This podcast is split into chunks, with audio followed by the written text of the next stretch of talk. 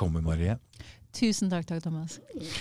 Nå skal det bli spennende å høre hva du um, har å si her. Jeg, så, jeg har jo hatt, lagt dette på hylle seks ukers tid. Jeg har vært helt, jeg har, ikke- jeg har mista helt uh, gnisten på det.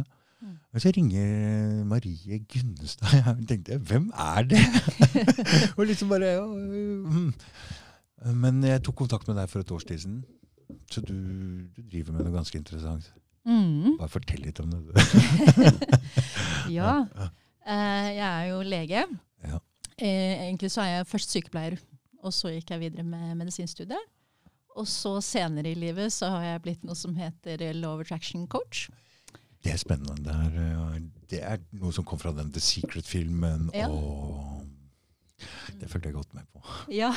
Jeg prøvde å fortelle deg hva jeg mente om det. For det Ja, så Bare for å si det kort, liksom. Ja. uh, At damer hadde ingen problemer med å få det der til å fungere. Dere, um, jeg kjenner flere som hang opp eh, et eh, tall ved 20 000. De ønska seg 20 000 kroner opp i taket og så på det hver kveld. og Og plutselig så fikk de 20 000. Mm. Uh, menn har litt sånn problemer med eh, det kommer jo liksom, Bare tro på noe sånn blindt. Vi må ha noe logikk bak det for å, for, for å forstå det, for å virkelig kunne tro på det. For der er vi litt forskjellige menn og damer. ja, det er vi nok. Ja. Ja, fordi Ja. jeg tror det kommer av Nei, nå skal ikke jeg kuppe denne samtalen her. Så veldig, Jo, nei, men du gjør ikke det. Vi har jo Ok. bare begynt. okay. ja. Nei, det, jeg tror det har noe med at eh, hvis vi ser på før i tiden, så Hvis vi ser på små jenter og sånn, så henger de De blir altså forelska i popstjerner og sånne uoppnåelige ting. Mm. Uh, fordi uh, før så kunne liksom verden forandre seg med en dame, for de hopper inn i mannens verden. Mhm. Så hva som helst kunne egentlig skje. Så de hadde lov å ønske seg hva som helst. Men for en mann så gjelder ikke disse ting. Her må vi lage vår egen verden. Vi, må, vi har ikke lov å ønske oss ting sånn utenfor det som er innafor det vi eh, kan oppnå. da. Så det er liksom min forståelse av det der. Og så, men så plutselig så begynte jeg Jeg skjønner litt hvordan den law of attraction egentlig fungerer. Kan, vi kan ikke sitte stille i sofaen. Hvis det er helt mørkt i rommet oppe i, hos meg, Mhm. og jeg er sulten, Ja. og jeg sitter og tenker på en brødskive så, altså jeg, den, den kommer ikke. Men hvis jeg har den brødskiva der i, i, i, ønsket mitt, i tanken min, Mm. og jeg reiser meg opp og går et skritt, Mm. så kan det være at jeg skimter en døråpning. Og da, fordi det er sånn, du må, gjøre, du må også gjøre det fysiske skrittet. Ja. Halvparten så gjør verden, halvparten foran, ting forandrer seg når du går det ene skrittet. Mm. Og jo mer du ser hvor du skal hen, jo lettere blir det å, å se hvilken retning du skal gå. Ja, ikke sant? Og det er veldig egentlig fint å så bare ta det litt videre med det eksempelet med den brødskiva. da. Ja, Eh, fordi at du, du har jo, du, med tankene dine så sender du jo ut ønsker Ja. hele tiden med en frekvens. Og så sender du ut et ønske om at du har lyst på en brødskive da, eller at du er sulten. Ja. Og, så, og da får du tilbake en inspirert tanke om hva du skal gjøre. ikke sant? Å, jeg skal gå ut på kjøkkenet. Jeg Ja, eller hvis du ikke veit hvor kjøkkenet ja, ja, men hvis du ikke vet at det er noe kjøkken engang, så, og du ikke vet det er helt mørkt der inne, Mm, så med en gang du reiser deg opp og skimter kanskje en døråpning, mm. så begynner du kanskje å tenke hm, ja, nei, men ja. Ja, ja, ikke sant? Du, okay, Fordi verden forandrer seg litt, ikke sant? Ja, Når man gjør en ting. Kjempebra eksempel, altså. Eh, og, og eh, ja, det er jo Man pleier jo også å si på, Det heter jo law of attraction på engelsk, men 'lov noen tiltrekning på norsk. Men there is action in law of attraction. Ja. Ja, Ikke Sånn sant? er det med ord, ikke sant? ja, ja. ja. sånn er det med ord. Så, så man kan ikke bare sitte og hvis du tenker nok på det, så kommer det til deg. Nei. Det som kommer til deg, er neste steg. Ja. Ideen om hva du skal gjøre. Mm. ikke sant? Og med en gang man har gått det ene skrittet, mm. altså, hvis man går et skritt til, ja, men da har vi jo en retning. Mm. Da har du en retning. Ja, ikke sant? Ikke sant, som du beveger deg, og det er lettere å se med en gang. Så, mm. ja. så jeg knekte den koden.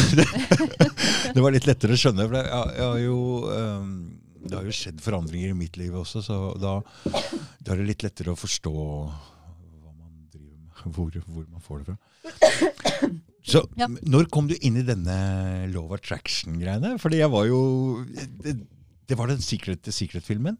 Ja, ja, nei, det var, ja, den så jeg uh, for ti år siden eller noe sånt. Nå var vel da den var liksom stor. Ja. Mm. Og, og det var mannen min som, som kom og bare Du, vi må visst se denne filmen her. Jeg har hørt folk snakke om den. Ja. Eh, og da syntes jeg jo at det var interessant, men jeg, da var jeg ikke på en måte klar. Nei. Jeg fatta ikke poenget. Nei. Eh, så, så vi så den filmen, og ja, ok, ja, hvis jeg, man ønsker seg noe, så, så gjør man jo det man kan for å få det. Ikke sant? Ja. Så, jeg fattet ikke poenget egentlig helt. Så, så det var ikke egentlig da The Secret eh, faktisk eh, som, som var min vei inn i det, da. Nei. Men, eh, men eh, jeg, eh, jeg har jo hatt min, historie med nedturer, ikke sant. Jeg, jeg jobber som fastlege. Eh, og i 2010 så toppa det seg. og også det er jo forferdelig stressende for fastlegene. Fortell litt om det der med fastlege. For jeg, Ja. jeg um, prata med en som var vikar. Ja. Og han var så veldig, veldig interessert i det jeg sa. Han var så veldig Og så jeg spør han For jeg tenker, du kan ikke ha vært lege lenge.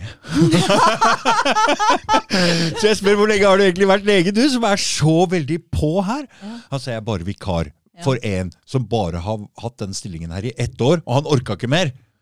Fordi han sa, For når man kommer inn på et legekontor, så tenker man nå kommer man inn på et offentlig kontor. Mm. Det gjør man ikke. Nei. Det gjør man ikke i det hele tatt. Han sa for å få, den, eh, for å få det kontoret her, så må jeg dytte inn én million kroner for å komme inn her i det hele tatt.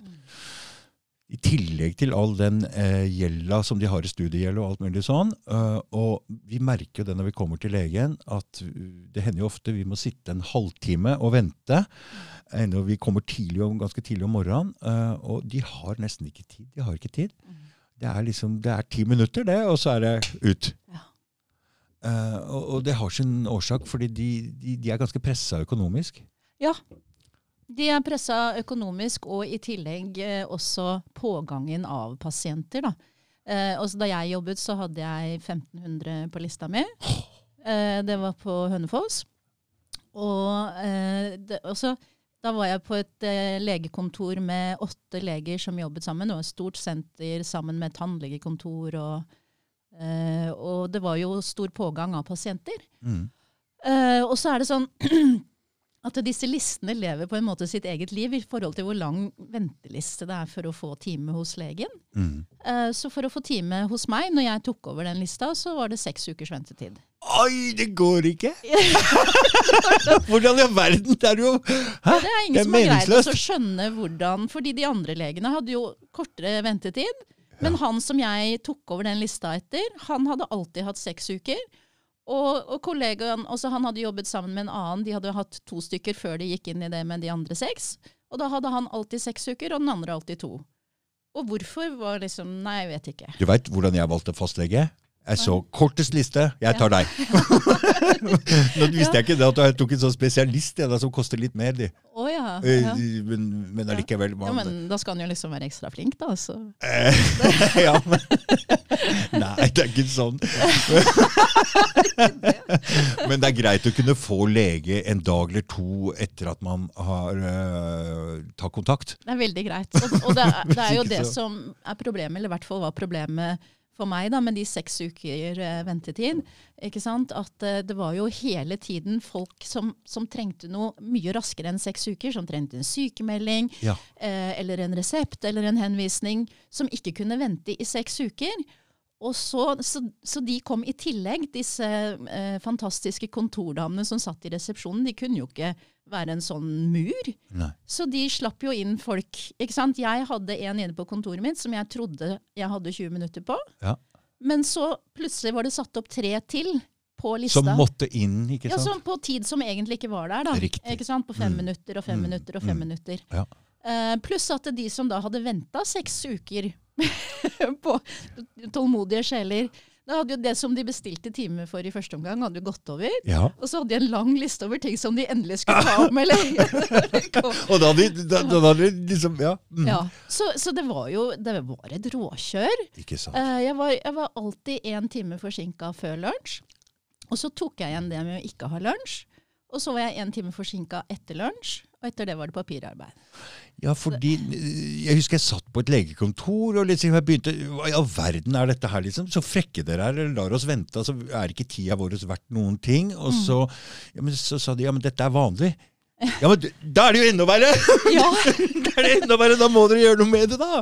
ja. Men, men det er altså på grunn av denne Er ikke fastlegeordningen eh, Er den ikke helt god, den fastlegeordningen? Eller hva er det som er feil her?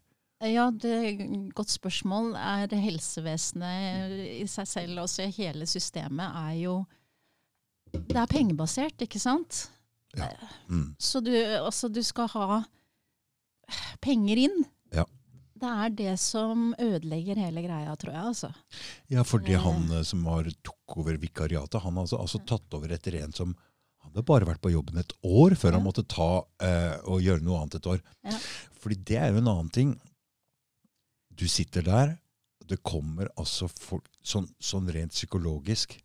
Det kommer altså folk og tømmer seg for uh, tunge Det er tungt. Ja. Ikke sant? Mm. Alle har noe, og de tømmer det på deg Mm.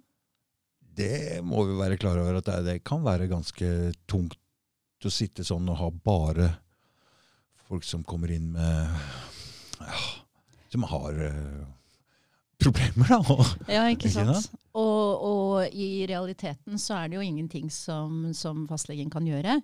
Det som de burde ha muligheten til å gjøre, er jo å lytte ordentlig. Og, og ta personen på alvor. fordi bare det å få tømt seg og få virkelig pratet og fortalt historien sin, det er jo så masse healing i det.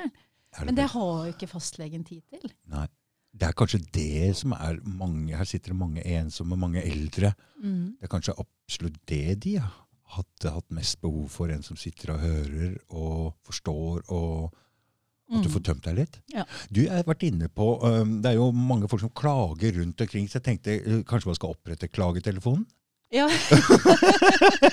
For nå er det snart ikke et eneste sted du kan ringe og snakke med noen lenger. Nei. Ikke noen kontorer, ingenting. Ingen har tid til å høre på deg. Mhm. Så jeg tenker den klagetelefonen kunne vært altså, Der en, har en, du god, en, god, forretningsidé. Altså. en god lytter. Er ikke, Ja. Det er mye verdt. ikke sant? Ja, ja. En som kan lytte og Mhm. forstå deg, det, er, uh, det burde alle ha. Mm. Og hvis man ikke har det, så kunne man ringt en klagetelefon. ja, ikke sant? Lyttetelefon er mye bedre. Lyttete, ja, men folk har alltid noe å klage på. Ja, ja Ja. kanskje. Mm. Hvis du har lyst til å ringe og fortelle om alt som er fantastisk i livet ditt, så bare ring. Ja, ring da, ja. ja. Ja. ja, ja.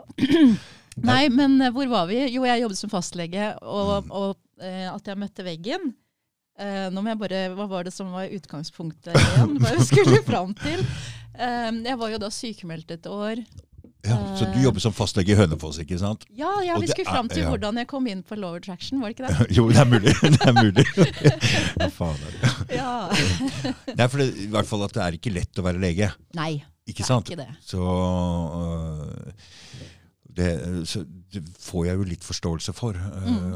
også. Når jeg så Jeg tenkte jeg ville kjefte der inne, men jeg ser at legene også sitter i en pressa situasjon. Ja, Mm.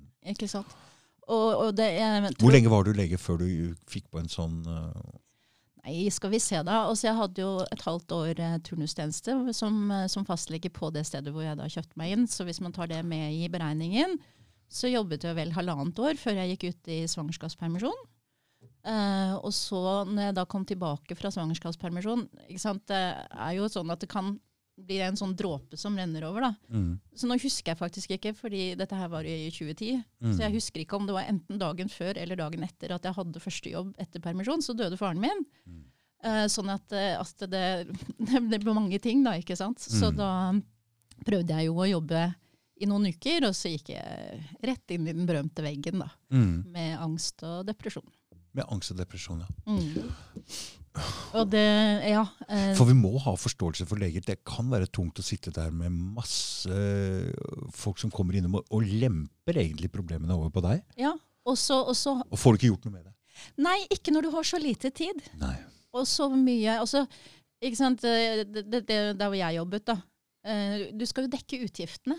Ikke sant? Ikke sant? Og det Mhm. var ganske høye utgifter. Det var et flott sted, og vi hadde eh, vi fikk jo fersk lunsj, og så vi hadde en kokk da, som ma øh, lunsj til oss og sånn. Mm. Og alle de utgiftene skal jo dekkes. Vi hadde jo selvfølgelig også andre mer nødvendige utgifter, men, men de hadde valgt å legge lista høyt, da, de Mm. som, eh, de som eh, jeg kjøpte meg inn hos. Mm. Men uansett, Men eh, hvordan er, er dette med at man kjøper seg inn? Hva er det greiene der? Er det, hva er det man egentlig kjøper her? Er det, er det, en, er det noe sånt som man kjøper en sånn leiekontrakt, f.eks.? Når man skal overta en butikk eller noe sånt? Nå? Er det penger under bordet? Hva er det for noe? Er det, Ja, er, penger under bordet. Ja, er, det, er det det der, eller er det, eh, man, gir man de pengene altså direkte til den legen som er- Det er en litt sånn rar eh, arrangement. Ja, Er det ikke? Det, det er jo litt rart, og jeg må nesten se om jeg husker dette riktig. Det begynner jo å bli lenge siden. og du kan, Jeg må jo ta forbehold for at ting kanskje har endret seg siden det er lenge siden jeg har vært ute av det. Men, men eh, jeg kjøpte lista. Du kjøper lista. Jeg kjøper lista av, eh, av han som solgte, fordi at uh, du får en viss sum fra uh, Helfo for per, per navn du har på lista Riktig. riktig. hver Mm, måned. Ja. Sånn at, at det er en del av, av inntektene. Riktig. Ja. Så du kjøper lista. Ja. Mm. Men er det, det, det har man jo nok egentlig ikke lov å si. Nei, det var liksom det var det. Nei, det var det jeg ville fram til. At her er det noe som ikke vi eh, som kunder, kunder eller hva jeg skal kalle det, pasienter, Mm. er klar over. At det her også er en sånn gjeldgreie der Um, Mm. som man også kjøper seg inn med. Og som man er virkelig pressa som, som lege. Mm. Man er det. Så, ikke sant? Man har jo studielån, og så, og så jeg, jeg betalte vel 1,3 millioner. For, For å komme inn, ja? Ja. Mm. Mm. Mm. Så, så det var uh, hardkjør. Det er hardkjør, Ja. Så, så nå, kan jeg, nå er jeg jo sjeleglad for at, uh, at jeg har kommet ut av det. Ja. Men, uh, men jeg har veldig stor forståelse for, uh, for at de som er i det, de, de er eh, nedkjørt. Og man mister jo litt sånn troen på at man kan gjøre noe, da. Mm. Jeg, jeg tror jo faktisk at de fleste som velger å studere medisin i seks år, gjør det fordi de ønsker å hjelpe. Ja, eller er det sånn at mange nå sier lege eller advokat? Ja, er, en trygg og, god, trygg og god, ikke sant? Ja. Eh, Det er en god, lang utdannelse, og en, det er mange som Sant går det. den veien, for det er jo prestisje. Mm. Det har vært større prestisje før. eh, Mm. Når, altså det, det å være lege før var vel enda større prestisje, enn- mye større kanskje, enn det det er nå. Mm. Uh, jeg, bare for å si noe ganske morsomt, så husker jeg det bladet Romantikk. Husker du det? Ja. Her hadde altså Legeforeningen en egen sånn eh, eh, som het Legeromanen. Ja. Husker du det? ja. Hvor alle ble altså forelska i en lege. Ja. Det er jo en Jeg vet ikke hvem som ga ut den, men jeg mistenker jo sterkt at Legeforeningen var involvert her. Ja. ja, jeg vet ikke jeg, men, eh, men det er eh, bra å være mistenksom. ja. Jeg tenkte eget romantikkblad som bare ble forelska i leger. Da tenkte jeg, ja, Det var da veldig Ja. Nei, men det er sikkert mange, altså det er jo sikkert mange som, som eh, også blir det av den grunn. Og så er det jo familier hvor alle, altså bestefar og far og er onkler og tanter og alt mulig er leger. Samme som ikke advokater, sant? ikke sant? Ja. Følger i, i fotsporene der. Ok, så for, kanskje moderere det litt. da. Eh, To tredjedeler kanskje gjør det fordi de har lyst til å hjelpe. Ikke sant? Ja, ja for man må, bør virkelig ha den innstillinga for å være lege. Ja, jeg syns jo man bør det. Mm. Um. Og så er jo leger like forskjellige, mange forskjellige typ, mennesketyper som alle andre. Så. Selvfølgelig. Men, eh, men uansett eh, så, så? Så, så begynner man å jobbe, og så har man fem minutter på hver. Mm. Og man får jo ikke egentlig gjort noe som bringer eh, mennesket noe fremover. Det er bare neste, neste, neste. Mm. Så de blir jo des desillusjonert og mister gnisten. Legene? Ja, Mm. det gjør det. Er det blitt verre nå, eller veit du noe om det? Har det alltid vært sånn, eller er det når fastlegeordningen kommer inn i bildet at det blir sånn? Ja, det vet jeg ikke, fordi Nei, du, du, nei, du har ikke den det er jeg for ung til. ja, ja. Ja. Nei, men jeg tror jo også det var jo annerledes eh, hvis man går tilbake til foreldrene våre sin, sin Ba, tid. og- bare det å slippe å betale den 1,3 Mm. for å få den lista, må jo Mm. være så da, Og jeg kan da ikke Legene satt jo ikke på sånne kon- De hadde jo ikke sånne fellesskapskontor og alt mulig sånn før. Jeg tror det bare var en lege som vi hadde, som hadde et lite kontor der borte. Han satt jo der aleine. Mm. Kan ikke huske at det var noe sånn uh, og, og Da får du jo bedre tid og sånn til kundene dine. Da har du faste jeg, jeg, jeg, Ikke sant? Og jeg tror, Hvis en tenker tilbake på, på gammeldagse former for familielege som kom hjem og, Ja, og ja, var legen til hele familien og kjente familiesituasjonen og alt Mm, sånn mulig. det her, ja. Det er jo en som hvor, hvor eh, pasientene da får en følelse av at han bryr seg, eller hun bryr seg. ja. Ikke sant? Fordi de kjenner hele situasjonen og, og har mye mer mulighet til å være et medmenneske, kanskje. Ja, fordi jeg husker jo navnet på han legen, han het doktor Fredheim eller sånt. Mm. Jeg husker jo, det var jo hele familiens lege, og han holdt til et kontor der borte, så det var jo sånn, kom hjem her, ja. Mm, Mm. Stemmer Ja. det. Ja. Men eh, vi, ja, så hva var det vi gjorde? Nå, skal vi, nå er vi ferdig med det legegreiene, og nå skal, Ja. vi, nå skal du fortelle hvorfor du ikke, og hvor du er hen nå, og Ja. hva som har skjedd. Nå, nå Ja. kommer vi til poenget. Jeg ville bare gå litt innom det der, og lyse litt på det med å være Ja. lege, og hva som er problemene der sånn først. Ja, Mm. ikke sant? Og så var det da dette med, med law of attraction. Ja. ikke sant? Mm. Fordi da var jeg jo sykemeldt eh, frem og tilbake et års tid, da, fra 2010 til 2011. Mm. Og så, så skjønte jeg jo det at hvis jeg skulle ha et bedre liv, så måtte jeg gjøre noe annet. Så da bestemte jeg meg for å selge den eh, lista, Mm. eller praksisen. Og, eh, og så, eh, Jeg er jo også sykepleier, så da jobbet jeg litt som eh, sykepleier, faktisk. Mens jeg hadde små barn. Det var mye lettere å kombinere med å være småbarnsmor. Ja. Jeg kan jo fortelle Du, de to utdannelsene der, er det sånn at um, de overlapper de hverandre på noen måte? Eller? Ja, det gjør jo det. Ja, så Ja. hvis man er sykepleier, så er det litt lettere Trenger man ikke så mange år på å bli lege, f.eks.? Å oh, ja, sånn ja. Nei, jeg Nei. måtte Men dette her var jo Dette er jo kjempelenge siden. siden. ja, ja. okay, Ja, Jeg begynte på sykepleierstudiet i 1994, ja, ja. og så begynte jeg på medisinstudiet i 2000. Ja. Eh, og da måtte jeg uh, måtte gjennomføre hele. ja. Det Så det hjalp deg ingenting å være sykepleier fra sånn før? sett da? gjorde det ikke det. Men kanskje det er annerledes nå. Eh, mm, at, eh, mm, at hvis mm. en sykepleier velger å gå videre. Men jeg, jeg mener jo at en sykepleier med erfaring eh, har jo minst like mye kunnskap som en lege. Ah, Marie!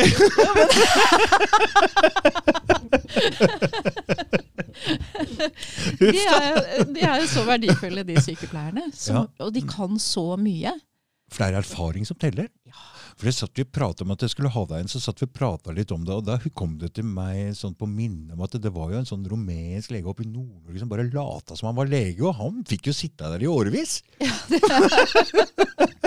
han var jo ikke lege! Nei. Nei? Men tilbake til det som du sa med erfaring som teller. Det kommer jo også litt an på hva man legger vekt på igjen. da. Fordi at sykepleierne har den mye mer menneskelige biten. Ja. Eh, Mye sånn at- lenger i kontakt med, kunden, med, Ja. med pasienten. Ja. Så de lærer seg jo så mange triks i hvordan man kan, kan hjelpe folk. Mens legene egentlig bare kommer hvis sykepleieren trenger at de skal skrive under på noe. ikke sant? Altså, ja. Så de, ofte så ser du, i hvert fall på sykehus, så ser de jo bare i journalen ok, den medisinen, og så skriver du under. Og så er det sykepleieren som utfører det, da. ikke sant? Ja. Så, sånn at, eh, at legene har jo mye mindre eh, pasientkontakt. Mm. Bortsett fra fastlegen. Også det er jo en annen situasjon, da. Mm. Men, men nå var jeg plutselig litt i minner til når jeg hadde turnustjeneste på sykehus. Ja. Uh, så, sånn at, eh, at legen har jo mye erfaring i å skrive ut medisiner, se på hva slags virkning det vil ha, osv. Mens det er jo sykepleierne som har den derre medmenneskelige kontakten. Mm. Så ja. Ok, nå Eh, hopper vi til den law ja. attraction igjen. Ja! ja, for det, hvordan det, hvordan det, det skjedde da? Jo, ok, da kan vi hoppe da til 2016, da. Ja. Uh, da hadde jeg Du hadde vært sykepleier noen år. Da hadde jeg jobbet som sykepleier noen år. Mm. Uh, og så um, så sa jeg opp som sykepleier uten å ha noe å gå til. Eh, da hadde vi fått, Jeg jobbet i hjemmesykepleien og stortrivdes. Og så fikk vi en ny sjef, og da ble ting annerledes. Ja. Eh, mye mer krav til å gjøre mer på kortere tid. Ikke sant? Så etter å ha Dette er jobbet kommunen, ikke sant? ja. Så da etter å ha jobbet der i, i ett år, etter at vi fikk ny sjef, da følte jeg at da hadde jeg gitt henne nok sjanse. da, da sa jeg opp uten å ha noe å gå til, fordi at eh, når man har møtt veggen en gang, så, så blir man jo, da skjønner man jo det at man må passe på selv. Mm. Det er jo ingen andre som tar ansvaret for deg. Var det Oslo kommune, eller? Nei, det var i Bærum. Mm. Det er rart at de går inn sånn for å effektivisere. For jeg merker jo nå med ny sjef på jobben sjøl at de vil ha resultater. Altså, så de tyner oss. Jeg jobber jo i kommunen sjøl. Ja.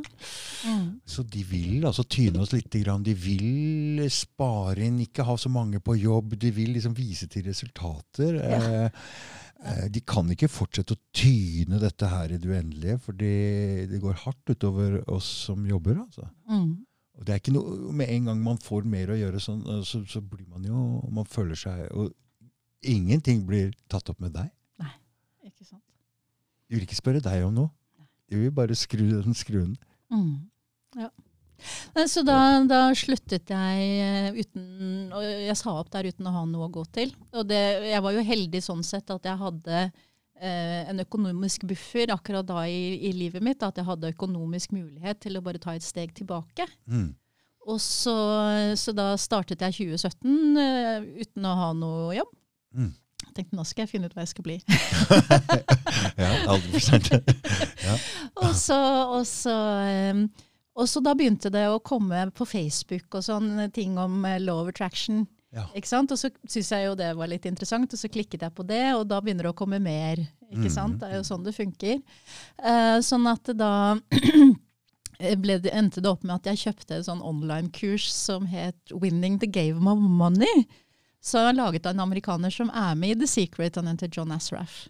Mm. Uh, og, og det er jo veldig sånn amerikansk å kalle det 'winning the game of money', fordi det programmet der er jo egentlig veldig spirituelt. Mm. at, ikke sant? Du snakket om disse her som eh, hadde Ja. skrevet i Mm, mm. taket Ja, ja, 20 ja. 000 og sånn. Mm. Eh, den spirituelle biten av det er jo det også, også tro på at du kan få de 20 000, at du er verdt det, at du fortjener det. Og tro på at du, du skaper det, ikke sant. Mm. Så, så det var jo litt sånn eh, eh, Da begynte det med litt sånn spirituelle ting. Eh, og da, da husker jeg at jeg hadde et sånt øyeblikk hvor jeg sa til meg selv at Men jeg er jo spirituell, jeg. Jeg syns jo sånne ting er eh, spennende, jeg. Jeg syns jo det er interessant. Ja.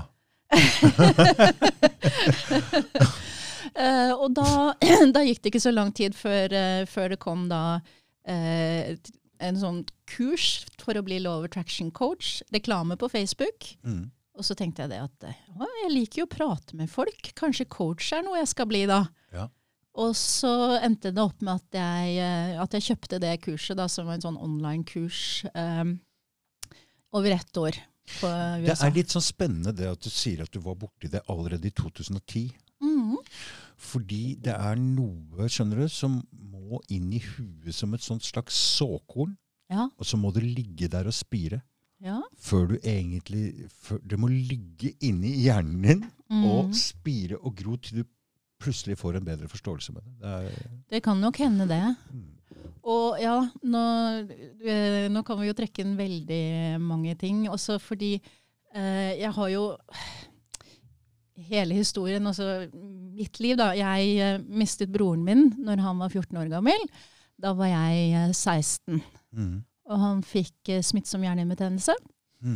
og døde, og det var i 1991.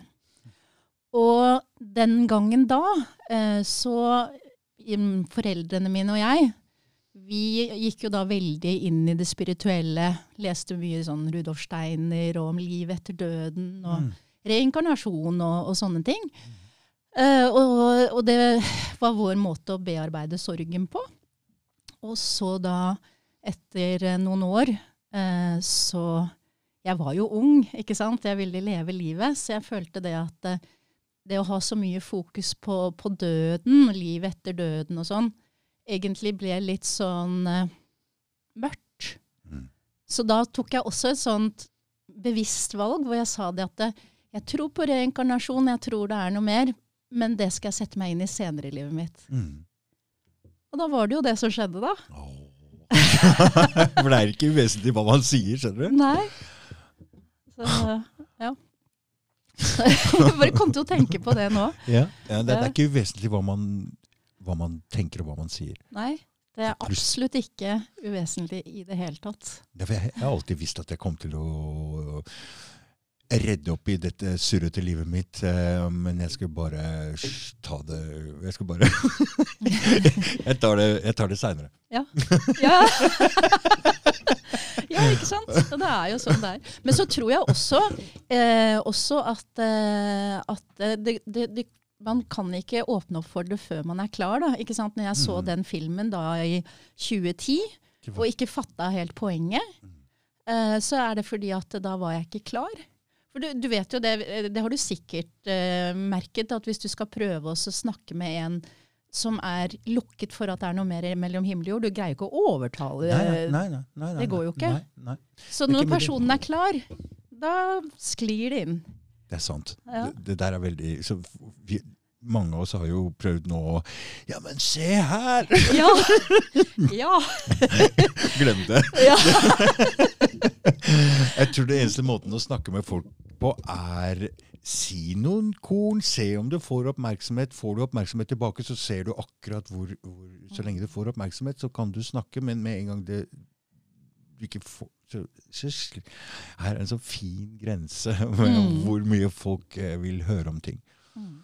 Det nytter ikke å presse på Nei, det gjør folk. ikke det, altså. Nei. Det gjør ikke det. Man blir mer nysgjerrig hvis du holder noe unna. Ja.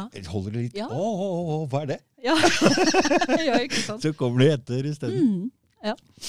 Nei, så, så da i hvert fall når jeg da begynte med det Love Attraction coaching-kurset, Ja. da visste jeg jo ikke at det, det var spirituelle greier. Ikke sant? Men jeg bare syntes det var så spennende. Og så tenkte jeg tenkte, ja, coaching, det er fint. Og så lærer jeg litt mer om den der love attraction. da. Ja. For den skjønte jeg jo ikke helt. Men hva er spirituelt, Marie? Nei, drit i det. Vi ja, tar ikke vi den. kan godt. Ja, ok. Ja. Fordi eh, folk sier 'du er spirituell'. Jeg bare ja, men um, ok. Ja, vel. Jeg vet ikke helt hva det betyr engang. jeg tror jeg. Nei, nei og det, det er jo kanskje litt individuelt, men, men hvis man skal si noe sånn at det er en person som er åpen for at det er mer mellom himmel og jord enn det vi kan se og ta på. Ja, da er det. Mhm. Ja, Man, man veit jo ikke. Nei. Og man begynner jo å få vet du, så Det skjer jo rare ting i verden. her, Så noe, Mhm. noe er her som ikke vi helt fatter ennå. Det er Ikke helt sant? sikkert. Ja. For, ja, for, Ja. Så Love Attraction. ja. Nei, for det var ganske, det er ganske komisk sånn jeg tenker tilbake på det. da, For da skulle vi ha eh, online undervisning. Eh, det var obligatorisk å være med. Eh, og, og det var eh, første undervisningskvelden, da. Så, um, så, så hørte jeg jo på hun coachen som skulle lære oss, og så begynte hun å hoste litt og sånn. Ja. Og da var det jo folk fra hele verden som satt og, og var med på dette live. Og så når hun der hostet, så sa hun å, det er noen her som har problemer med halssjakra. Oi. Hæ? Hun hoster fordi noen her har problemer med halssjakra. Og, så, eh, og så sa hun også at eh, ja, dere kan coache folk online over hele verden, fordi eh, energi har ikke noe tid og sted og rom. Og, og, så det går helt fint. Men da må dere ha gjerne en krystall ved siden av dere når dere coacher, sånn at dere ikke tar til dere energien til klienten. Oi. Og jeg tenkte Hva er dette? Ja, hva er dette? Dette her er jo OK. Ja, og så avsluttet hun de to timene med en sånn um, guidet meditasjon. Og det hadde jeg heller aldri gjort før. Men det var en veldig fin opplevelse. Hvor hun uh, ja, tok oss, eller i hvert fall meg, da, til et uh, veldig fint sted inni meg som jeg aldri hadde vært før. Og det var en utrolig god følelse. Ja. Så, ok, det veide opp for at hun var litt teit, da. Ja, men du, du, du klarte å bli med på den, selv om, selv om de sier sånn litt rare ting. Mm. Ja, og så det Men var, du vet at det er mange som elsker sånne ting, å høre sånne ting. Mm. Ja, jeg elsker det jo nå. Ja, du elsker det nå, ja! Ja. ja. Mm. Ja, egentlig fra da av, kan man kanskje si. Ja. Uh, men, eh, men ja, så dette her var jo da om kvelden. Og så når vi var ferdig da, så var jeg litt inspirert. Så tenkte jeg, ja, det, For jeg hadde jo fått en, tilsendt en pensumliste. Ja. Så begynte jeg også å Se se hvilke, ja, ja, hvilken, hvilke bøker er det som jeg skal lese. Ja. Og den, eh, Navnet på den ene, øverste boken var- 'Ask and It Is Given', og den var skrevet av Jerry og Esther Hicks. Jeg vet ikke om du har hørt om de? Jo da, jeg veit hvem er. Hisk- Ja, jeg hadde jo aldri hørt om de nei, før. Nei, jeg vet hvem Hiks-greiene er. så. Ja. Ja. Jeg visste jo ikke hva det var, så jeg, Abraham-greiene, ja, så jeg googlet det. Og så begynte det å komme opp eh, Abraham, og jeg skjønte jo ikke hvorfor kommer Abraham når jeg søker på Jerry Hicks. Mm.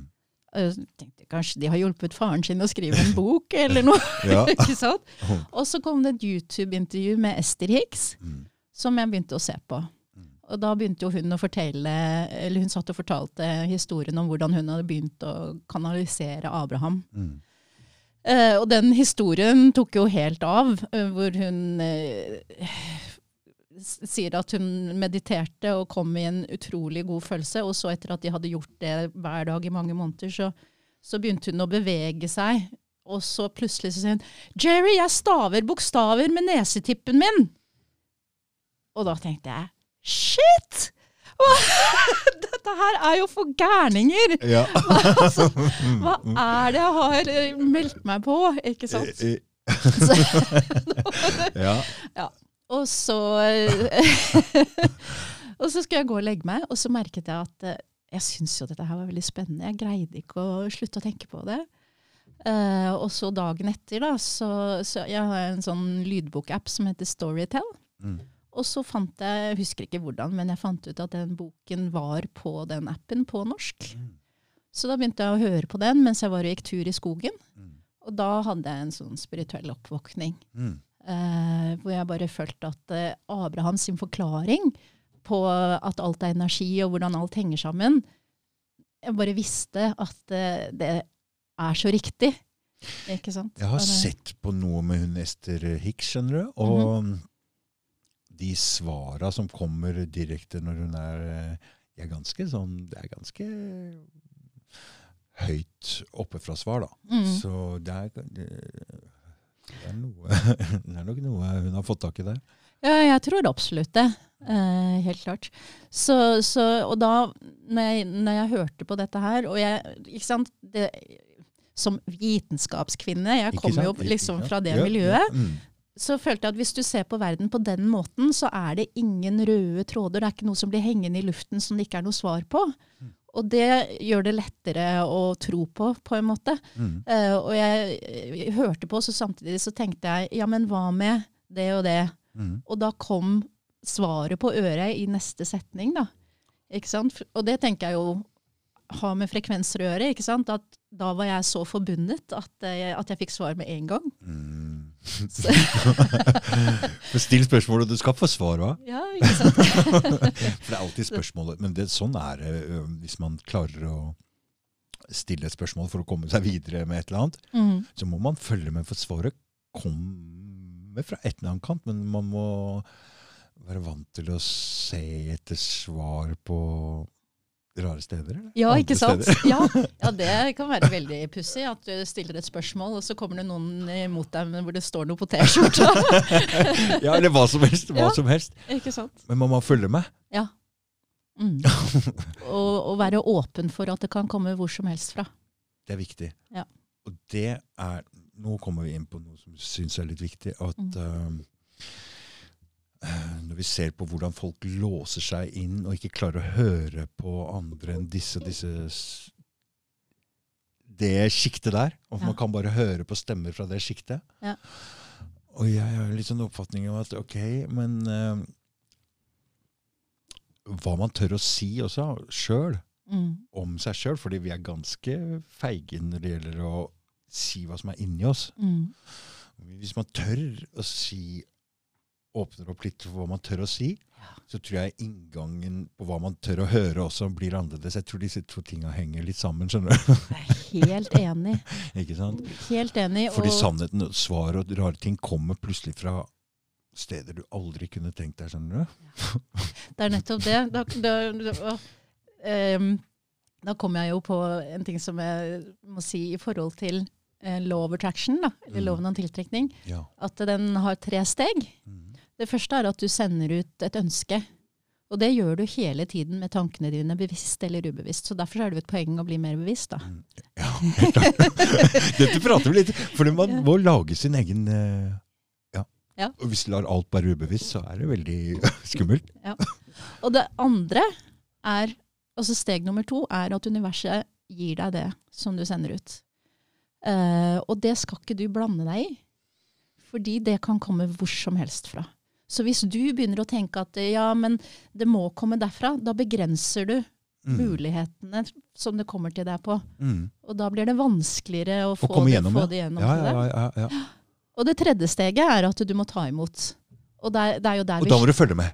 Ja, og så er det der vi sliter, da, fordi at vi greier ikke å ta imot for det første når vi ikke tror på det. Da har du en frekvens som setter en stopper. Mm. Eller hvis du ikke tror at du er verdt det. At du fortjener det. Mm. Og da er det viktig med selvutvikling. Mm. Elske seg selv. Mm. Elske seg selv. Ja. Uff da.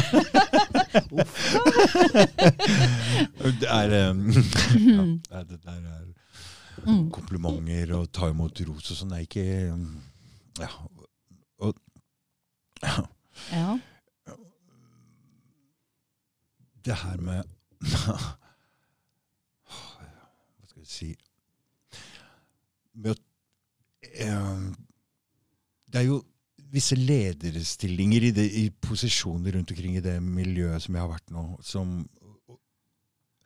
Hvor går grensa mellom det å ta til seg for mye og tro at du er viktigere enn altså, Elske seg sjøl og at andre elsker deg, og hva eh, hvor, eh, For det er lett å gå over en grense her hvor folk misforstår sin egen rolle og tar eh, og blir Fordi man, når folk gir deg energi, ikke sant, Mm.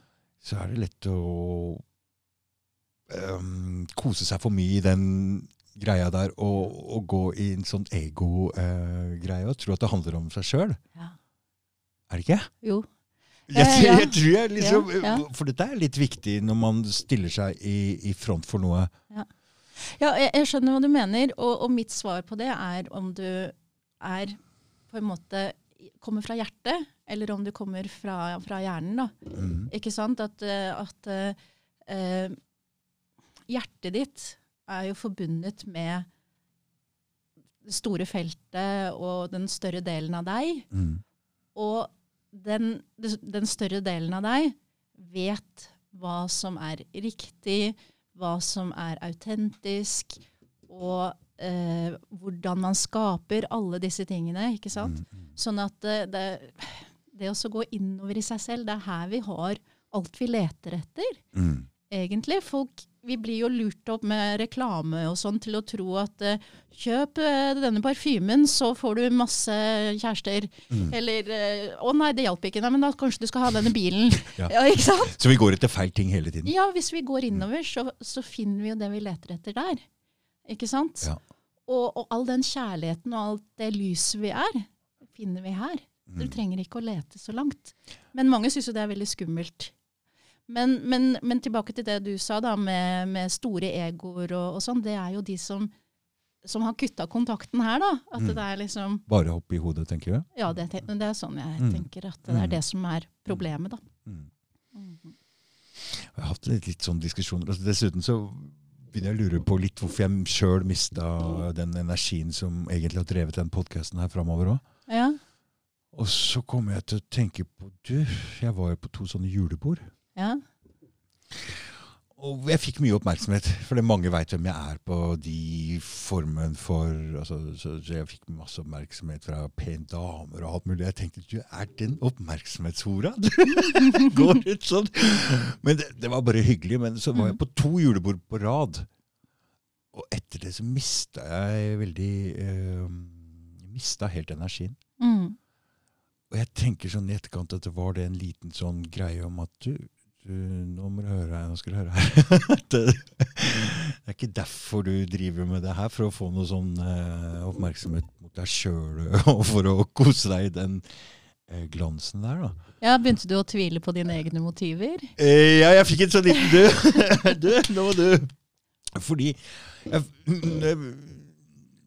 denne podkasten kom jo i gang under en veldig sånn Nå må vi få ut virkelig hva er det som foregår her. Nå må vi få ut uh, en annen altså min, Hva jeg så det som kom fram i media, og det som jeg trodde på sjøl, det er- var helt motsatt. Så jeg har hele tida vært en sånn kraft som har drevet veldig sterk kraft som har drevet for å få fram. Og så hopper vi jo rett i krigen her, så har vi hele tida vært sånn Her er det også veldig mye rart! La oss lyse på mange mange ting som er feil med samfunnet. Og så, øh, den, den kraften, den energien, er litt sånn spredd nå uh, samtidig. Så det er, det er flere grunner kanskje til at jeg mister litt Ja, men ikke sant?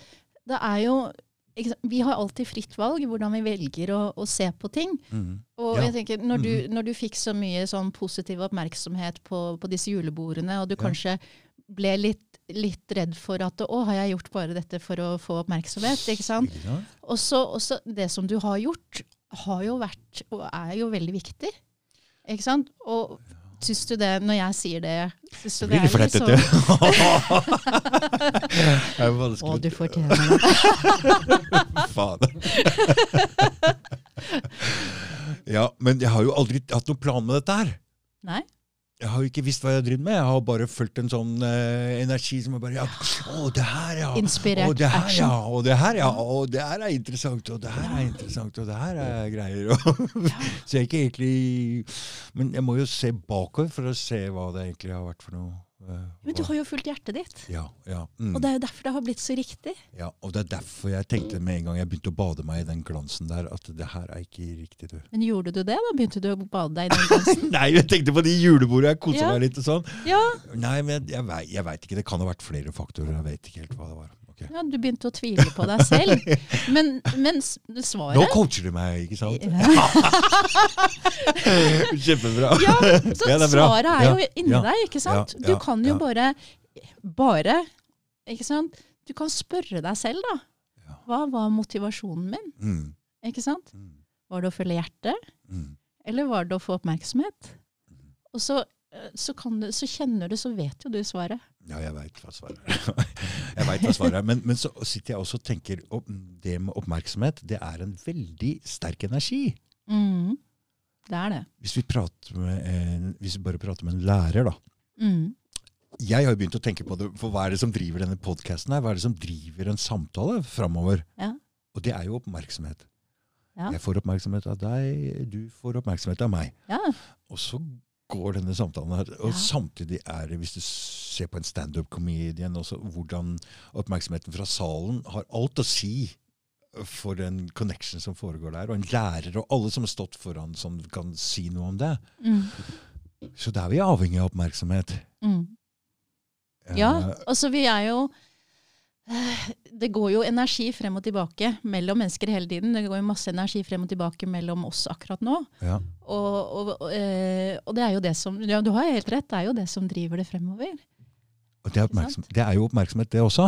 Ja, ikke bare, men ja, også. Ja, helt klart. Så, så, men, og så er det jo sånn at jeg merker For jeg har prøvd å prate om ting og tang med som, På den gamle jobben min, for eksempel, med folk som ikke klarer å høre. Og da klarer ikke jeg snakke heller. Ja, sant. Så de bare skrur av i øya, og jeg klarer bare pop, pop, pop, Så klarer ikke jeg å snakke heller. Ja. Så man må ha en form for oppmerksomhet for Fordi å du, snakke. du, ja, men du kjenner energien deres. Ja. Ikke sant? At de er ikke åpne.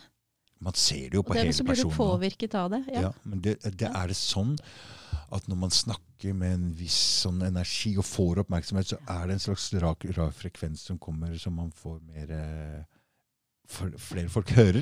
Jeg vet Ja. ikke. Nei, la oss ikke, la oss ikke coache meg mer nå. la oss gå til hva er det mm, eh, så, så law of attraction. Mm. Mm. Ja, og da, så da tok jeg det ettårige kurset. Mm. Og så tenkte jeg at eh, nå skal jeg begynne å coache. Ja. Men da måtte jeg jo begynne å lære hvordan man får eh, klienter. Ja. Ja.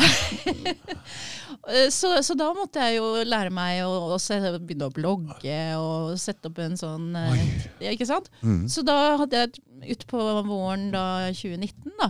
For det var fra 2017 til 2018 at jeg tok den utdannelsen. Så på våren 2019 så hadde jeg begynt å legge ut et blogginnlegg hver dag. Ja. Uh, og da ble jeg kontaktet av uh, en person som hadde lest uh, bloggen min. Ja. Eh, som representerte en franchise som heter Health Optimizing. Ja. eh, som sa det at eh, vi er interessert i å bli kjent med leger som tenker annerledes. Skal vi gå en tur sammen på søndag? Mm. Og så gjorde vi det. Eh, og han fortalte da om eh, en klinikk i Bergen.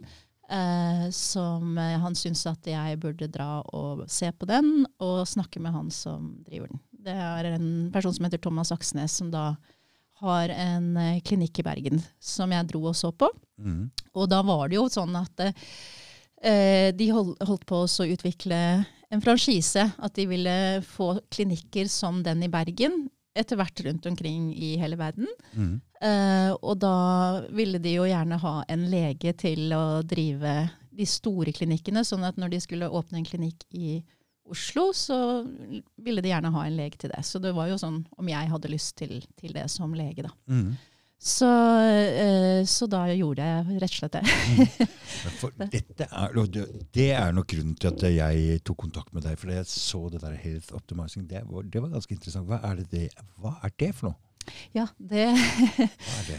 det er eh, en måte å, å jobbe med kroppen eh, på, og med frekvenser.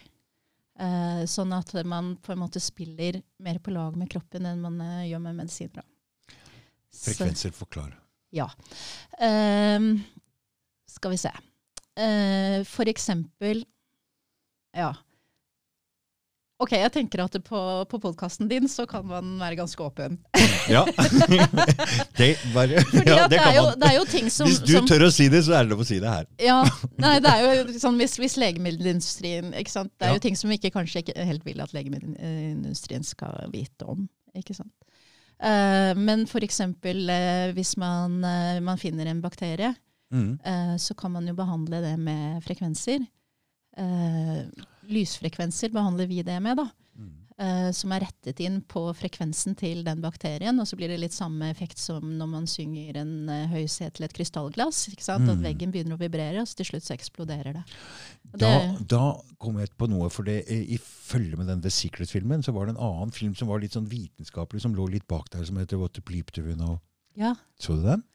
Den har jeg sett eh, mye seinere, men jeg husker ikke Og da ja. kommer det noe med noe vann og noe frosne vannmolekyler, Ja. og en japaner som kommer med noe sang og frekvenser og sånn, og ser hvordan vannmolekyler forandrer seg helt, eh, etter forskjellige frekvenser. ja, det er kjempeinteressant. Og Så sier de, og når vi veit at du består 90 av vann, så Ja. tenker jeg ok. Ja. så, så, så jeg har vært borti det der, og, og, og liksom så det er noe sånn, Er det frekvenser lyd, eller er det hva er det? Går fra Eh, lyd, det går fra lyd til, til, til, til uh, lys, det der. ja, også det med å behandle mikroorganismer med, med lysfrekvenser er en av de teknologiene som vi har. Ja. Uh, mens, men uh, de teknologiene vi har, går ut på å hjelpe kroppen å jobbe bedre selv. Altså Utgangspunktet å tenke på, som, som jeg har lært av Thomas Aksnes, og ikke på medisinstudiet, Ja. det er å ha som utgangspunkt at kroppen alltid vet best selv. Ikke Mm. sant? Kroppen din er så utrolig avansert. Det foregår så mange prosesser Mm. hele tiden. Tenk deg at du har trillioner på trillioner av celler i kroppen din. Og i hver av de cellene så foregår det kanskje 1000 prosesser hvert sekund. Altså det blir tall som eh, proporsjoner som du ikke har, har sjanse til å se for deg. Mm. Og hvis man skal begynne å putte medisiner inn i det, da, så har man jo ikke peiling på hva som egentlig skjer. Ikke sant? ja. Og det, det, og, og- og det er det samme nå. Når vi ser alle de sykdommene og, og greiene nå, Når de har blanda vaksiner opp alt det, så veit ikke hva som er hva nå lenger. Hva er det som er hva? You tell me. Nei, så, vi, vi satt litt oppe i stad, og da sa du at legemiddelindustrien driver for det meste med symptomdemping. Mm.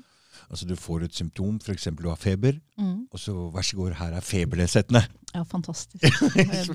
Få bort den feberen! Ja. Fæle greier. ja.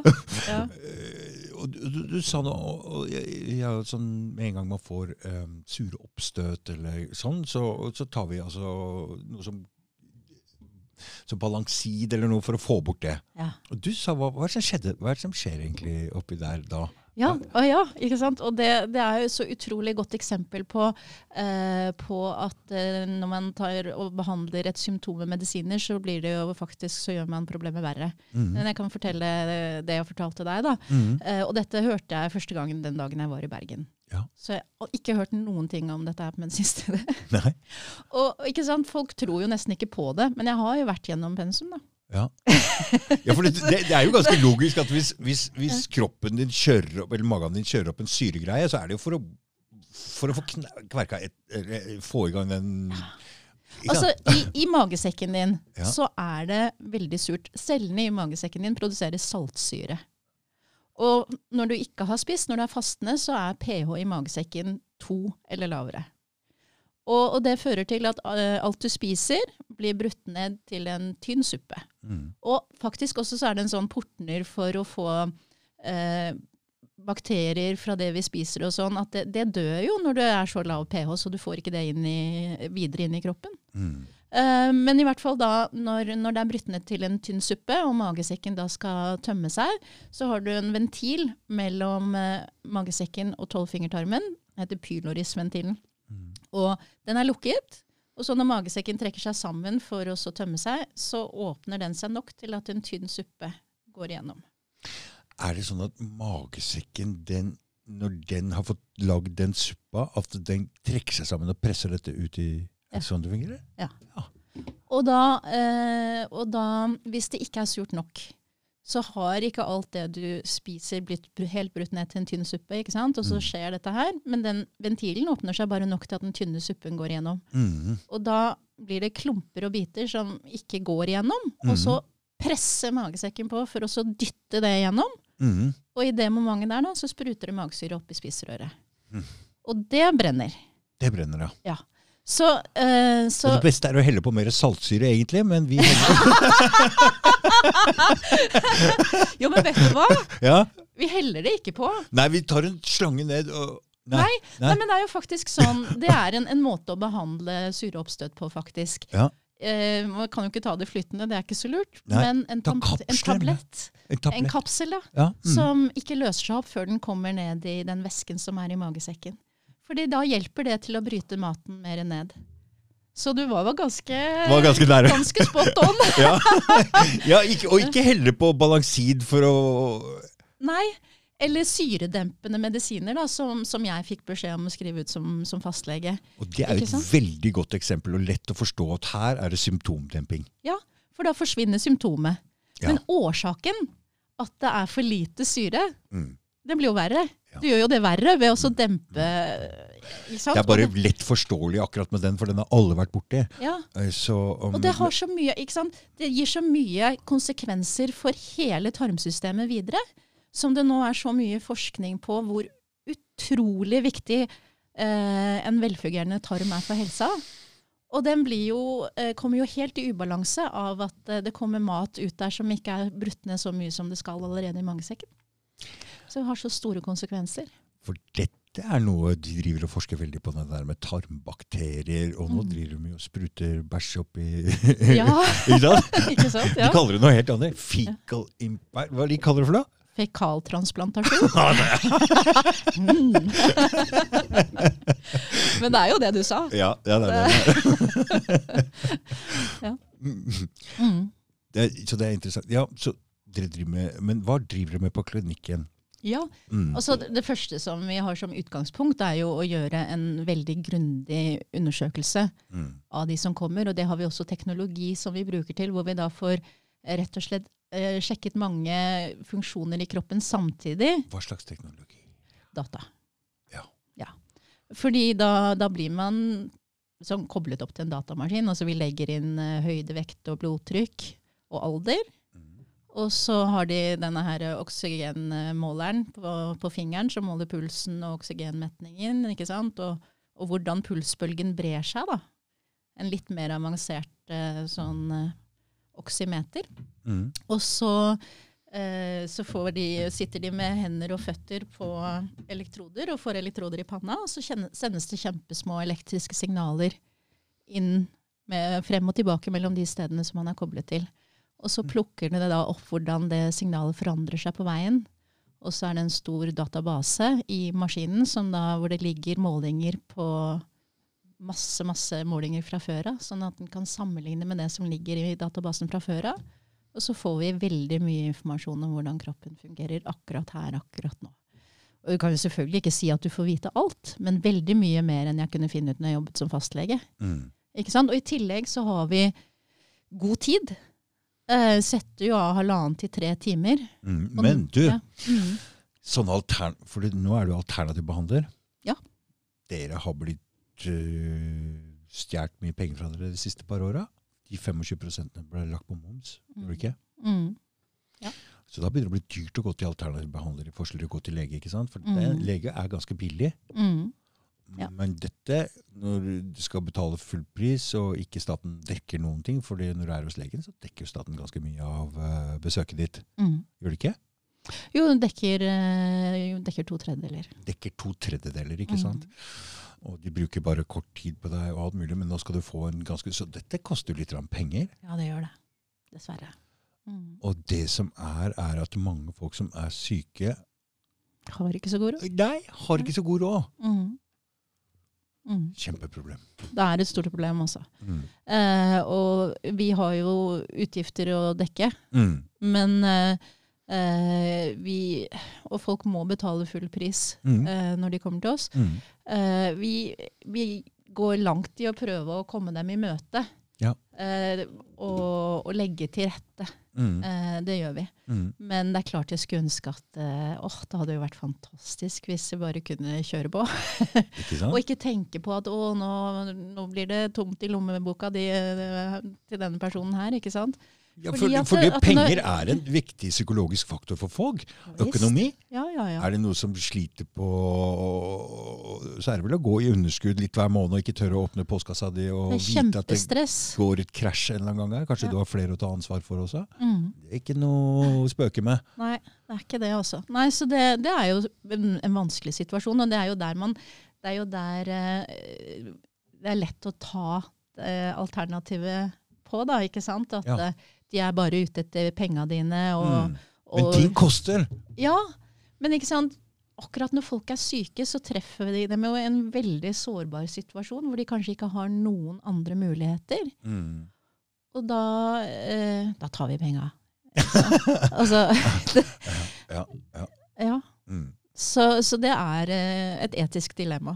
Mm. Eh, og jeg har Hvor lenge siden er de tok bort eh, momsen på dette? Eller la Det- på momsen? La på momsen. Det var, eh, Var det noen år siden? ja, var det enten 2020 eller 2021? Det husker jeg ikke helt. Jeg tror det var 2020.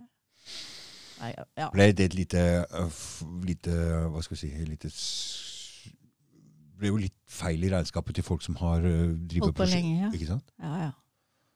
Ja, nei, det er, det er jo krise. Det er jo fra dere de tar penga. Ja. De 25 prosentene. Mhm. Mhm. Det er det. Så jeg, har, eh, jeg jobber sammen med folk som sier at eh, ja, men vi skal få myndighetene til å betale for dette her. Vi jobber med saken. Okay. Og da sier jeg ja, jeg venter i spenning. jeg gleder meg Hvordan til den dagen. Hvordan er det i andre land med dette? I andre land? Ja. Har ikke peiling. Nei, for der, er- der er det kanskje ikke noe statssponsing i det hele tatt på en vanlig leger heller. Der.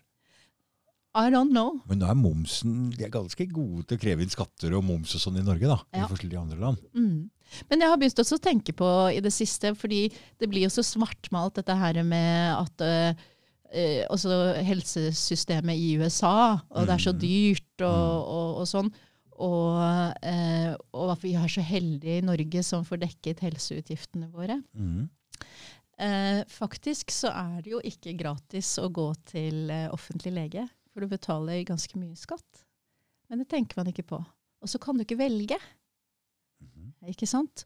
Så det som du må ta imot, da, hvis du, hvis du ikke skal eh, betale til å gå til en klinikk som, eh, som vår, f.eks., eh, så det er jo symptomlindring, da. Mm. Det er det du får Mm. tilbake for det du betaler i skattepenger.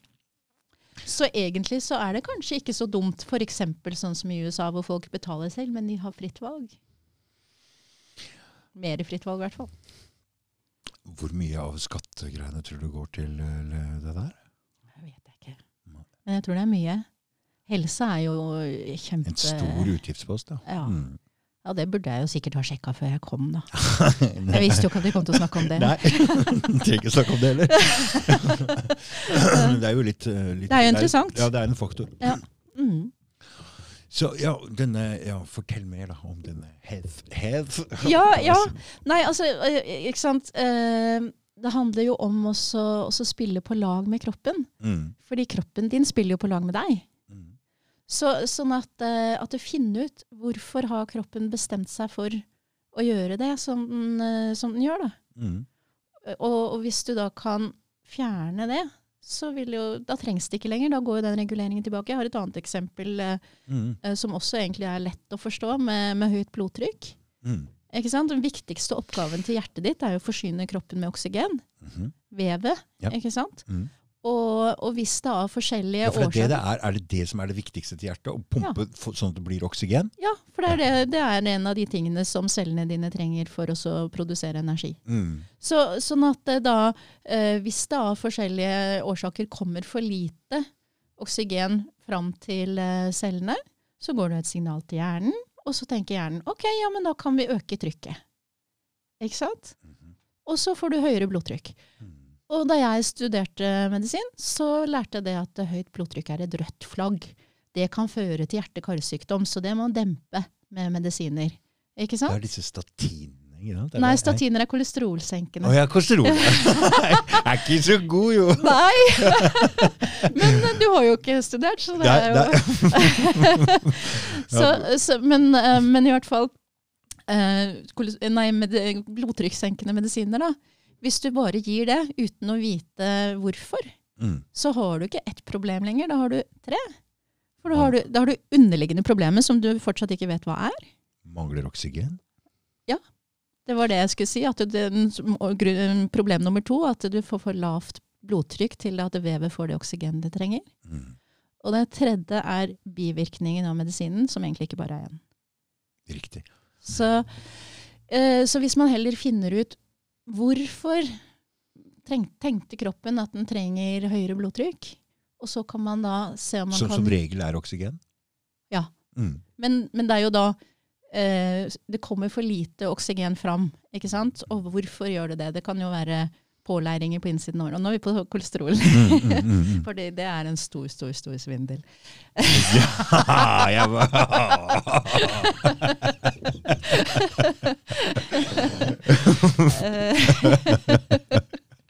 Åh. Ja. men, eh, men det er jo ikke en, en svindel at, også at det kan bli trangere i årene. Og da, da Det blir jo som en hageslange, da, ikke sant? At hvis det er noe som presser på slangen, altså, så kommer det jo, blir jo mindre som kommer ut på den andre enden. Mm. Sånn at, eh, at hvis du da kan Hvis du f.eks. ser for deg at det ligger en stein, tung stein på, da kanskje, så Mm. tar du vekk den steinen, Mm. så blir jo trykket normalt igjen. Mm. Uh, sånn at, uh, at uh, Ja, det blir jo bare å finne ut hva er grunnen til at, eh, at det kommer for lite oksygen fram, da. For dette med oksygen har jeg tenkt litt på sjøl. Eh, ja. når det kommer med disse bakteriene, når vi begynte Først å komme dette med virus, hva er virus? Og så begynte vi med hva er det med bakterier? og Mm. Hva er det egentlig som får en eh, sånn bikkje hvis den ligger baki her daud, til å råtne opp? Å ja. Og så tenker jeg, men Alle disse bakteriene de kommer jo ikke fra utsida, de kommer jo fra innsida. Ja. Og det er mangel på oksygen som setter i gang alt. ikke sant? Ja. Når det ikke kommer oksygen til, så råtner ting. Ja, ikke sant. Ikke sant? Ja. Er egentlig det er veldig interessant, altså. Så um, ja. Um, så det handler om å spille på lag med kroppen. Mm. Og, og ikke gi uh, medisiner uten du, du vet jo ikke hva du gjør. Nei, men, men du, du er, som lege kan jo gi medisiner også, ikke sant? Ja, men jeg gjør jo ikke det nå lenger. Ingen? Nei. Det er hender at jeg, hvis jeg ser at eh, Også fordi vi har jo en test Heter det ikke medisiner, heter det legemidler? Hva er det heter for noe der? Nei, det blir jo det samme, gjør det ikke det? Eh, jo. Medisiner, legemidler. Øh, skal du sette meg fast på noe, da? Nei, nei, jeg skal ikke sette deg fast på noe, men jeg syns kanskje ikke man bør ha et positivt ord på de Nei, det er tinga jeg der. enig i. Ja. Og medisin er jo ganske et positivt ord. ja. Så hvis vi bare kan holde oss til å kalle Ja, det for si legemidler. for det, Ja. det kommer jo fra Bra legemiddelindustrien, så det var Mm. bare det jeg ville fram til. Mm. At mye av dette her er, og det gjelder jo spesielt innen psykologi og disse tingene òg, ikke sant? For de pumper på folk uh, piller i Altså, det er Hæ? Det er jo helt sprøtt når man begynner å se på det. Mm. Fordi da, ikke sant, man tar en tablett mot et symptom, mens da den underliggende årsaken kan da bare fortsette å bli verre og verre. Da. Og så etter en stund så kanskje får man et symptom til, og da kan man jo ta en pille til. Så kan man bare ha det, ha det gående. Og gå Så, på du, disse pillene så, resten så det er, går et høl et sted, og så prøver du å tette det hølet, og så popper det opp tre andre steder, og så Ja. prøver du dem, og så blir det bare Ja. Og så til slutt så eksploderer hele det dekket, for det er okay. Hæ? Ja. Omtrent? Så ja. Eh, så nei, jeg, jeg, jeg skriver ikke ut noen legemidler. Nei. I det hele tatt, nei. Nei. Men, eh, Så det er ikke sånn at du, du, du, du tar inn i den biten, den legebiten, inn i dette her? Du bare holder den legebiten helt utafor? Er det noen ja, ting du trekker inn? den, den kunnskapen om anatomien og fysiologien og hvordan kroppen fungerer, bruker jeg jo. Mm. Um, men Hvor mye av et legestudie handler om det, og i, hvor mye av det handler om legemidler? Å, jeg kan jo bare si hvordan det var i Tyskland på begynnelsen av 2000-tallet. Da. Mm. Eh, da hadde vi jo to år som ble kalt for preklinisk. eh, og da hadde vi grunnleggende anatomi og fysiologi og biokjemi. Og, eh, og så var det vel psykologi, tror jeg. Det var fire store fag. To år. Og da, ja, og da måtte vi bestå det for å få lov å komme inn i kliniske biten. Da. Og da når vi kom dit, så, og da hadde vi to år med farmakologi. Mm. Men det kan jo være helt annerledes. Eh, Det er, jeg tror det er mye annerledes i Norge. Mye mer praktisk eh, rettet. At det er mye mer hospitering på sykehus og Men sånn. det er bare fire år. Det Det er lengre utdannelse på lege. ikke sant? Å ja, ja! Nei, vi hadde jo mange fag eh, Mhm. parallelt og, og sånn. Mm. Eh, sånn at, eh, at eh, Ja. Men eh, sånn, sånn fordelt to eh, Som 50-50? Pensum i farmakologi er to år. Ja. Og så var det i Tyskland den gangen, ja. Mm. Så, øh, og jeg husker jo ikke alle de andre fagene. Og, Nei, nei, nei. så- nei, det var bare, jeg, jeg bare lurte på hvor, hvor, hvor Så det er mye Så, så man kan mye som, som lege? Ja, når man skal opp til eksamen, så kan man mye. det begynner jo å bli noen få år siden. Ja, ja, jeg veit hvordan det der er.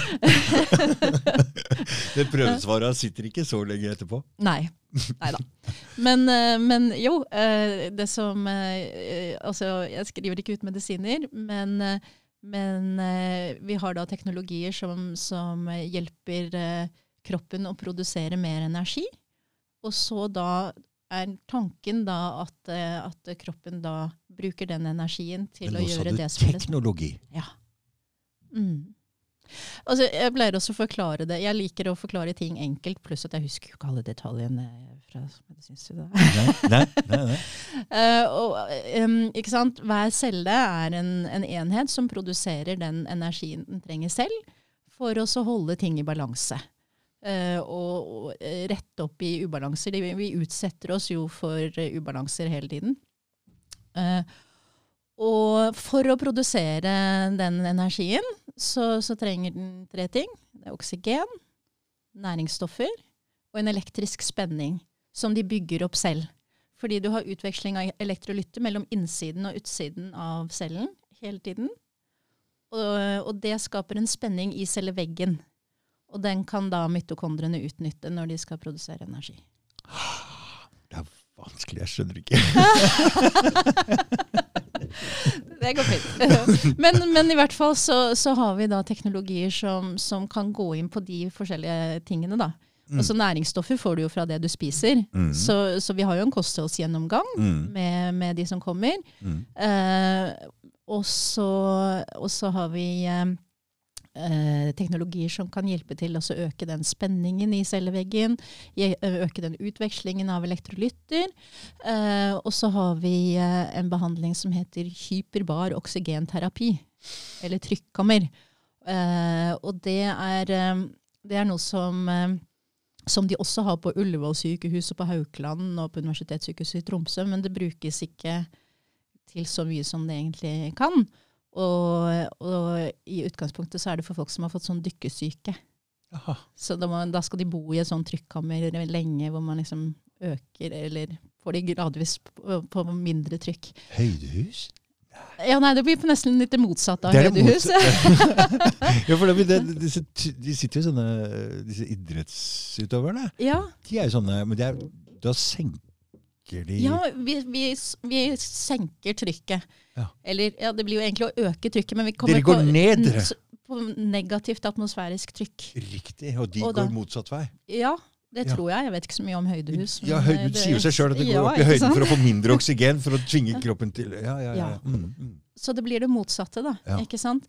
Uh, sånn at du Da ligger eh, Vi kaller det for medlemmer, vi vil ikke, kalle det for pasienter eller klienter. Medlemmene de ligger inni et eh, avlukket kammer som det da går an å senke trykket i. Mm. Og mens de er inni der, så får de eh, 95,8 oksygen på en sånn maske. Mm. Og så får de en liten drink med vitaminer og mineraler å drikke før de går inn. Mm. Uh, og det som skjer med, med cellene når de kommer på, på et, eh, et høyere trykk, egentlig, men på negativt atmosfærisk åh, ja. Mm. Eh, I Mm. hvert fall, det er jo at eh, celleveggen blir litt eh, mer mottakelig. Det tar opp mer av det som er utenfor. Mhm. Sånn at du får tilbud om mye mer oksygen og næringsstoffer og mineraler, samtidig som alle cellene, trillioner av celler i hele kroppen, er i en tilstand hvor de tar opp mer. Mm. Så, så det er nesten som en pille man legger seg inn i. Mm. Ikke sant? Mm. Eh, og, eh, og også da når man har gjort det en del ganger, så begynner kroppen å produsere mer egne stamceller. Og det er utrolig interessant og spennende, dette med stamceller. fordi at eh, de kan jo brukes til overalt, og så går de dit hvor de trengs. Så, Hvor kommer de fra? Ja, de kommer fra ryggmargen. Da. Ja, De Ja. kommer fra ryggmargen. Og, og, ryggmargen din som produserer dem. Men når du har, eh, har vært eh, altså det, mm, det er jo visst med forskning at når man har vært i sånn trykkammer eh, en del ganger, så begynner eh, ryggmargen å produsere mer stamceller. Så, Så stamceller de kommer fra ryggmargen og, og går rundt og, og, gjel, og reparerer der hvor de og, trengs. og kommer inn og blir der hvor de trengs? Ja. Ah, bra maskin. Ja, det er en fantastisk bra maskin. Så det, ja, så, så, så det, det er jo kjempe, kjempefin teknologi, syns jeg, da. Mm. eh, som, som virkelig gjør noe for folk. Det er jo det som eh, Så det er her du ville være? ja? Hæ? ja. Altså, jeg, jeg visste jo ikke det. Nei. Jeg visste jo på en måte, jeg sendte vel kanskje ut, da. Mm. Bare at jeg, Jeg ville gjøre folk, ja, jeg vil gjøre noe som hjelper mer. Mm. Jeg, jeg sa, Og så bare lært døde du av å sitte der klemt opp på legekontoret der? Ja, jeg gjorde jo det. Mm. Og, og, eh, og em, eh, når jeg hadde lært om love attraction og sånn, så trodde jeg jo, da tenkte jeg jo at jeg aldri skal jobbe som lege igjen. Mm. Men jeg kan jo jobbe som lege, men ikke skrive ut medisiner. Mm. Eh, legemidler. Legemidler, ja. Mm. ja. Mm. Jeg tror vi må holde dere til å kalle det det. ja. Fordi Grunnen til at jeg egentlig sier det, det er for at noen eh, jeg veit om får piller som er veldig ødeleggende fra legen, Ja. og så sier de at det er medisiner. Men Mm. jeg ser at det er en form for narkotika, Mm. som jeg ikke liker veldig godt. Mm. Og jeg ser at disse stakkars menneskene de altså får um, får narkotika som det er veldig vanskelig å stoppe med, og får det av en fyr i hvit legefrakt som sier at det er medisiner og det er bra for deg. Ja. Det er liksom s- Det er utrolig vanskelig å bli kvitt. Stopp, få det vekk. Ja. Med den legitimiteten som Det er mye autoritet i den hvite frakken. Ikke sant? Ja. Um, Og det er jo utrolig god intensjon som ligger bak eh, de, altså det de legene gjør. mm, De har jo bare fått litt eh, feil opplæring, mm, mener jo jeg nå, da. Ja. Ikke sant? mm. Jeg drømte jo ikke om det da. Nei. At det jeg lærte var eh, å gå Altså det jeg lærte å bli noen sin tjener, nemlig legemiddelindustrien. Mm, Det, jeg skjønte jo ikke det da. nei. Ikke sant? Så du har ikke mye til overs for den legemiddelindustrien nå, nei? Nei, nei, nei. det har jeg ikke. Men, jeg, det var en ting, som jeg tenkte på når du sa det med å ikke kalle det noe som er eh, positivt. Mm. For da er vi jo tilbake på det med energier. Mm. Og, og? Fordi ord har jo også sin egen energi. Mm. Så derfor så syns jeg jo det var så utrolig bra observert og så bra tenkt at man ikke skal kalle det for noe positivt, men for legemidler. Mm. Ikke sant? Og det, Mm. eh, og det er jo andre ting som jeg har tenkt på. For medisin er jo et veldig positivt Ja. Ikke sant? Men hvorfor kaller vi det for sykehus, og ikke helsehus f.eks.? Eller hvorfor er en eh, positiv koronatest betyr at du er syk? Eller en negativ betyr jo at du er frisk.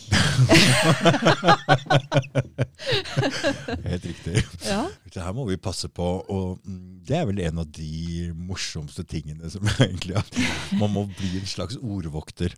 ja, I hvert fall for sin egen munn. Ja. Det man kan jo bare ta ansvar for seg selv og sin egen energi. Ja. Og det er også så viktig. Det er det som, som, som, eh, som vi også ønsker å lære medlemmene våre. At, at det, det er jo de selv som har ansvaret for sin egen helse og sin energi. Vi kan hjelpe dem og, eh, og kanskje rettlede dem i hva de skal gjøre. Men det er jo de som må gjøre jobben. Her prater du om det med egenkjærlighet og sånne ting, ikke sant? Ja, det også. Mm. Ja. Mm. Ok, om man skal spise sunnere og trenere, trene mer, det handler jo egentlig også om egenkjærlighet. Om du unner deg selv å få det litt bedre. Mm. Mm. Det er helt klart.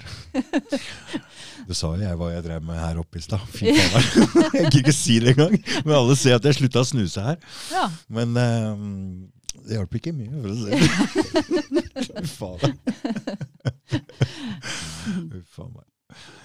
Er det noe mer du har lyst til å legge til om det health, health Engelsk, gitt. Health optimizing. Health optimizing. Ja, ikke sant? Det er jo litt sånn fancy. Ja, ja. Eh, Er det noe mer å si, da? Eh, Jeg kan jo bare si at, eh, at eh, jeg føler meg utrolig heldig som har havnet der jeg er. Hmm. Eh, fordi at nå har jeg Jeg husker når jeg, når jeg gikk på den smellen for Mm. mange år siden, Mm. så sa jeg til Ja, ja, du kan du se, det i ord. Mm. Jeg sa til tanta mi at nå skal jeg finne meg en jobb som gir energi istedenfor å ta. Ikke sant. Og det har jeg nå. Mm. Mm. For det å hjelpe folk, det å Mm. kunne gi Ja. Så hvis man For det er det som egentlig denne Det jeg føler at hvis jeg, driv, hvis jeg klarer å gi Ja. med riktig Så får jeg energi av det. Ja. Uh, fordi det, jeg tror det hele handler om å kunne gi noe. Det er da man føler at man Det er da man får tilbake også. Ja, Det er jo det. Så hvis man kommer med en sånn 'jeg skal ha energi', så jeg ikke, det er ikke veldig mye å få. Nei! Nei, reagerer jo negativt på det. Alle gjør det. Så Ja. det ser bare på folk som er veldig gjerrige over lang periode. De til slutt får ingenting. Mm. Sånn er det hele veien. skjønner du. Så, Ja. så det er viktig at man har den riktige Og her er det litt sånn feil, for når man går mot penger, så er det noe man skal ha. Mm. Og Mm. det er lett å tror jeg, Det er litt feil, tror jeg. Ja, altså altså det er jo noe vi trenger, dessverre. Det er noe vi trenger. Ja. Uh, så hvis man ikke Men hvis man i utgangspunktet gjør noe man brenner for, så man får energi, så man gir så, så får man penger som en slags belønning. Det er sånn systemet skulle vært. Det er Ja. ikke lagt opp riktig sånn. Nei, det er ikke det. det er noe som har gått galt underveis. Det er et eller annet som har gått gærent her, ja. Feil ting belønnes med penger. Ja. Så ofte, eller Mm. mye, da. Ja. Det er eh, egentlig også en ting når vi snakker om ting som må forandres, for det snakka vi jo litt om. Mm. At helsesystemet er noe som absolutt er moden for forfall, og som bør forandres. Ja.